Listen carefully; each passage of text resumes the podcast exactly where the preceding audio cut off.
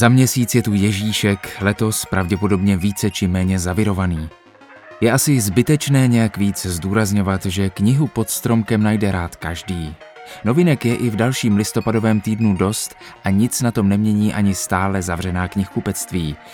My vám dnes představíme mimo jiné novinku Aleše Palána o pandemii, nekonečně pestrou encyklopedii Mexika nebo třetí díl Prašiny Vojtěcha Matochy.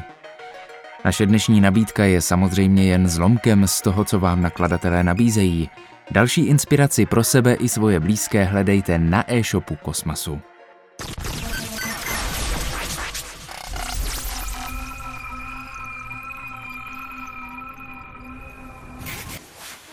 Posloucháte Megafon, po týdnu opět jako informaci o knižních novinkách doby virové. Další tituly z letošní listopadové nabídky pro vás vybírá knižní obchod Kosmas.cz. Mexiko je rozlohou obrovská země, o níž se říká, že jeden život na její poznání nestačí. Ale proč se o to alespoň nepokusit? Mexikopedie přibližuje v abecedně řazených tématech více či méně známé oblasti mexické kultury, gastronomie, přírody, umění a dějin. Od úchvatné rostliny agáve přes unikátní indiánské baroko, tajemné oslavy dušiček, mexickou patronku panu Marii Guadalupskou, ikonickou malířku Fridu Kahlo, tajemnou lakandonskou džungli, migrující motýly monarchy stěhovavé, božská takos až po předkolumbovskou šperkařskou metodu ztraceného vosku a mnoho dalšího. To vše doplněné barevnými ilustracemi a desítkami fotografií. Spousta lidí přede mnou napsala, že Mexiko není země, kam pojedete jen jednou a to platí i pro mě. Ano, má spoustu stinných stránek, nebudu říkat, že ne. Ale po sedmi letech, co žiju v Mexico City, jsem si jistá, že stojí za to, aby mu každý dal šanci. Ale bacha, Mexiko je hodně návykové a má úplně všechno, o čem člověk sní. Stačí jen otevřít oči a chtít to vidět. Říká autorka. Eva Kubátová, Mexikopedie.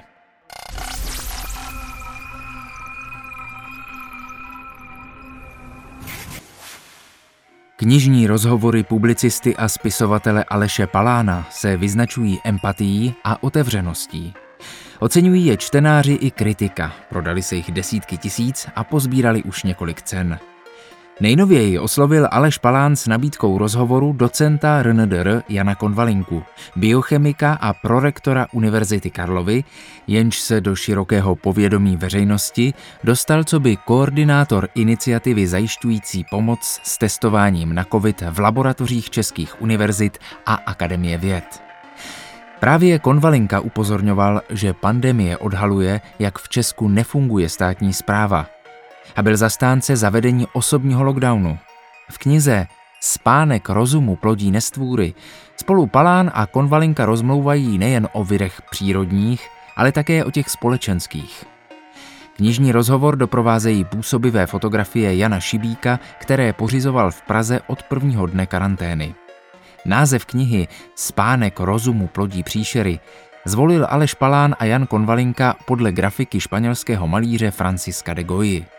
Kreslíře v sedě spícího s hlavou opřenou o ruce položené na stole obtěžují démoni v podobě sov a netopírů a snaží se mu vetřít do mysli. Jinými slovy, kdyby byl rozum vzhůru a pracoval jak má, příšery by se nezrodily. Stejně jako Goya doufá i Jan Konvalinka v rozum. Kde je rozum na svém místě, tam se minimalizuje nebezpečí iracionality.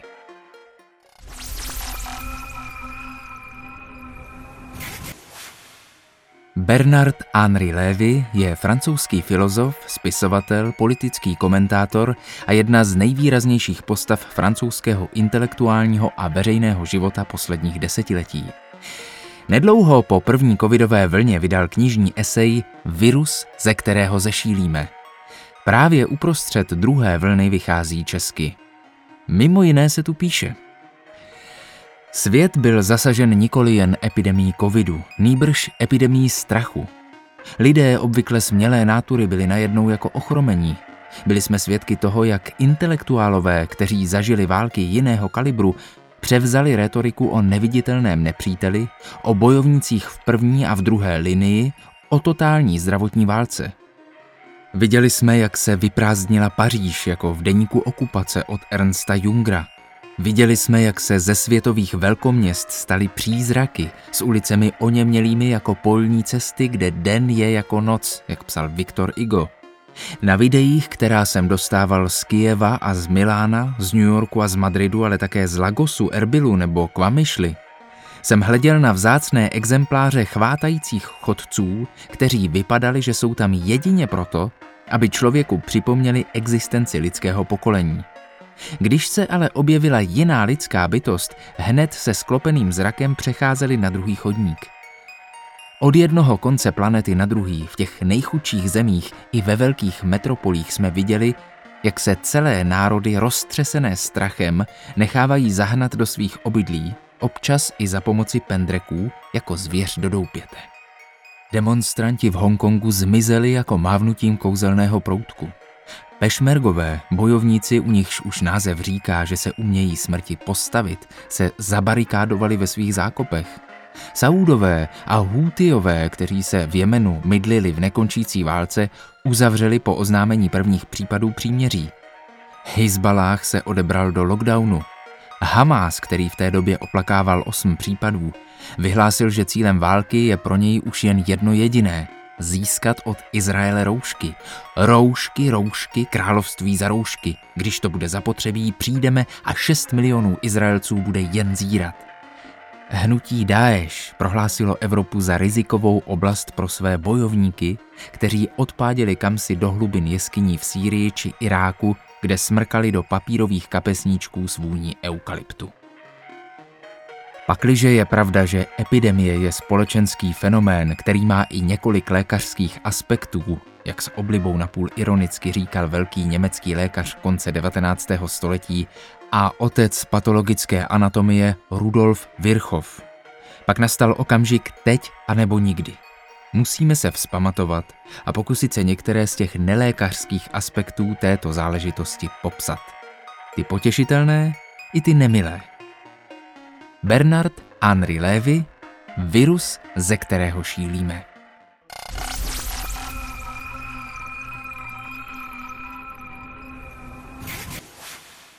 Je parné léto a napětí na hranicích prašiny narůstá. Podnikatel Klement Hrouda se vrací do Prahy, aby se pomstil a po úbočí šibeničního vrchu obchází krchlebani vedení záhadným melicharem. Co nevidět, davy lidí vyrazí vzhůru temnými uličkami a budou hledat stroj dávného vynálezce Hanuše nápravníka. Zatímco se v oprýskaných domech a na prázdných náměstích v tichosti schyluje k poslednímu střetu, rozhodne se N vzít osud čtvrti do svých rukou. Jirka se vydává v jejich stopách. Podaří se mu odvážnou dívku najít, než bude pozdě? Poslední díl úspěšné trilogie Prašina přináší konečné rozuzlení. Prašina je imaginární místo, kde se čas zastavil v 19. století a kde z nejasných důvodů nefunguje elektřina ani mobilní sítě. Je zasazený do prostoru mezi Karlovým a Václavským náměstím v Praze. Žádnou konkrétní mapu ale nemá. Prašíně se povedlo přivést děti ke čtení. Objevuje se v doporučené školní četbě a získala také cenu učitelů za přínos k rozvoji dětského čtenářství. Studio Bionaut připravuje hraný celovečerní film, na kterém se autor Vojtěch Matocha podílí. A teď vychází závěrečný třetí díl knižní série. Jsem nadšený, jak se Prašina během posledního roku rozšířila a začala žít svým životem i mimo knižní stránky, říká Matocha. Slyšel jsem o několika skautských oddílech, které podle Prašiny měly celoroční hru. Sám jsem se jedné velké hry podle Prašiny nedávno zúčastnil v táboře. Moc se těším i na film, i když si ještě pořád nedokážu úplně představit, že se s hlavními hrdiny Jirkou a N potkáme naživo. Vojtěch Matocha, Prašina, Bílá komnata. Vychází také jako audiokniha.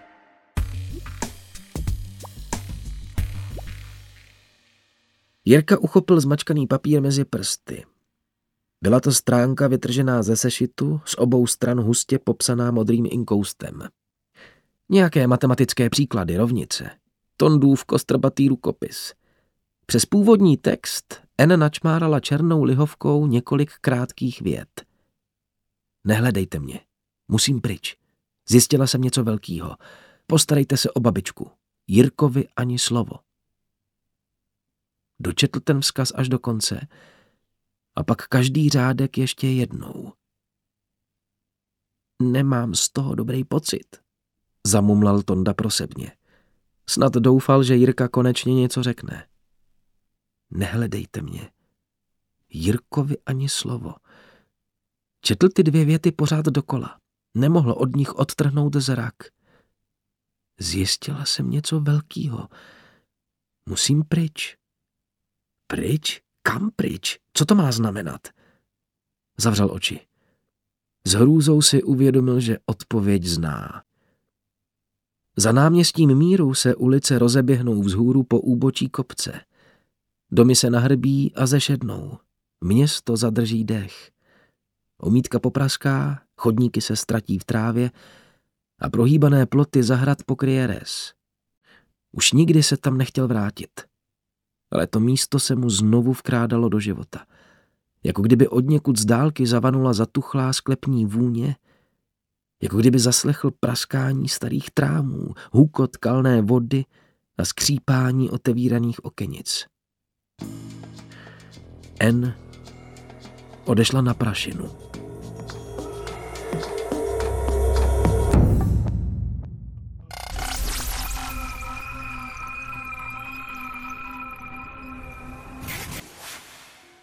Oslavou z tého výročí slavné divadelní hry Karla Čapka RUR je nový autorský komiks. Kateřina Čupová je kreslířka a animátorka, která se úkolu zhostila s bravurou a představuje Čapkův text ve svěžím pojetí určeném publiku, které si oblíbilo návrat do historie prostřednictvím grafických románů. RUR je tedy zpět v jasných barvách a podání, kterým může po sto letech opět dobít svět. V blíže nespecifikované budoucnosti se vědci naučí stvořit téměř dokonalého umělého člověka, který by mohl lidstvo navždy osvobodit od fyzické práce. Výroby robotů, jak se umělým lidem začne říkat, se chopí podnikavá akciová společnost Rosums Universal Robots a zaplaví svět levnou pracovní silou, takže umělých bytostí je záhy víc než lidí. Je jen otázkou času, kdy se roboti vzbouří proti svým pánům a svrhnou zlenivělou lidskou rasu, jejíž civilizace nejspíš dospěla ke svému zániku. Karel Čapek, Kateřina Čupová, RUR Comics.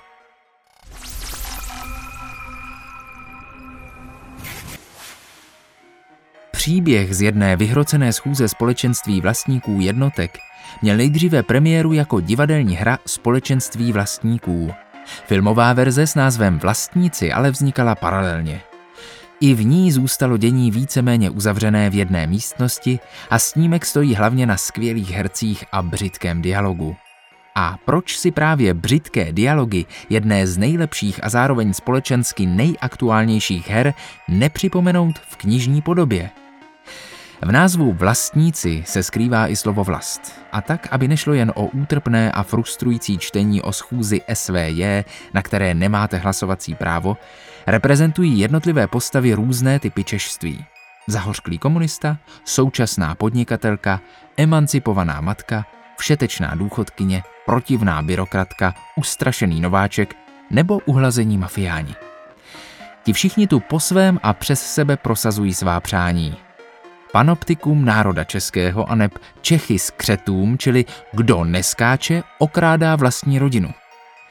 Knižní vlastníky Jiřího Havelky s úvodem Petra Fischera provázejí fotografie z filmu i z natáčení, rozhovor s Jiřím Havelkou, jeho úvaha o divadle Sametová simulace a výběr z diváckých ohlasů na film.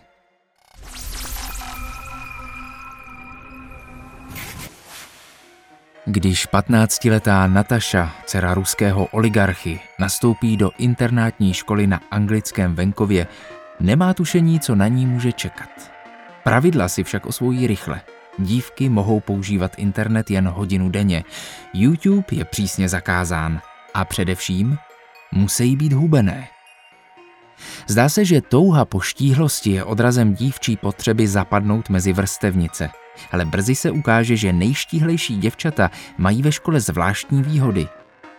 Zatímco Taša a její kamarádky tráví čas ve svých pokojích, u jezera a ve stájích, několik dívek dostane pozvání od ředitele, aby se zúčastnili speciálních hodin u něj doma. Když se Taša doslechne, že jedna její spolužačka nešťastnou náhodou zemřela, je si jistá, že to není celá pravda. Společně s ostatními dívkami posedlými dietami musí zjistit, co přesně se stalo, přežít a zachovat si zdravý rozum.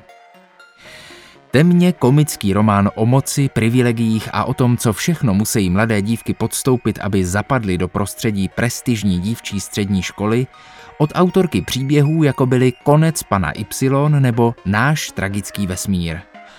Scarlett Thomasová, Oligarchie.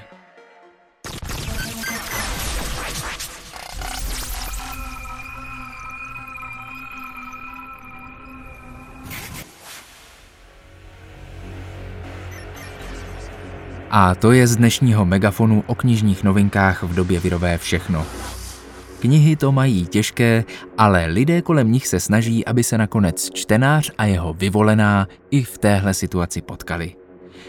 Další vývoj na knižním trhu můžete sledovat na stránkách e-shopu kosmas.cz, který vám přinesl dnešní podcast.